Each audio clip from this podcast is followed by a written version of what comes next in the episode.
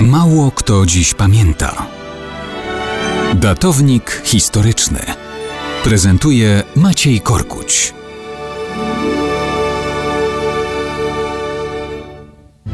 Mało kto dziś pamięta, że 24 stycznia 98 roku naszej ery był ostatnim dniem krótkiego panowania w Imperium Rzymskim Markusa Kokcejusza Nerwy, pierwszego z władców Złotego Wieku Imperium.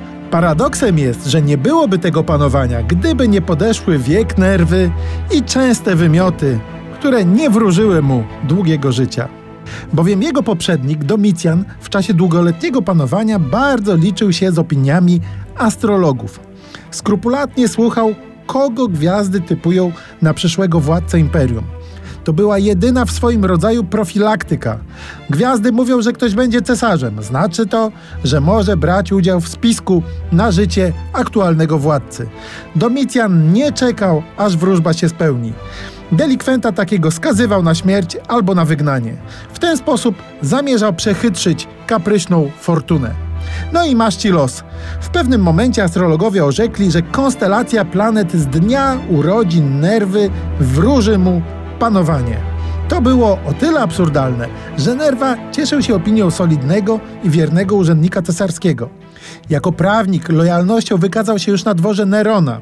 Wysokie godności sprawował u boku Wespazjana i urzeczonego Domicjana. Ambicji cesarskich nie miał i naprawdę był wobec porywczego cesarza lojalny. Pewnie by go to nie uchroniło, gdyby nie podeszły wiek i właśnie choroba.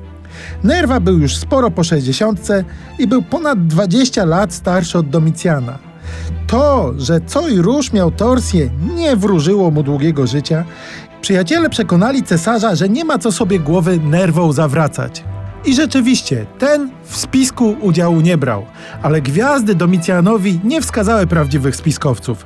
Niedługo stracił i władzę, i życie, a że senat wybrał staruszka, mającego kłopoty zdrowotne, to już zupełnie inna historia.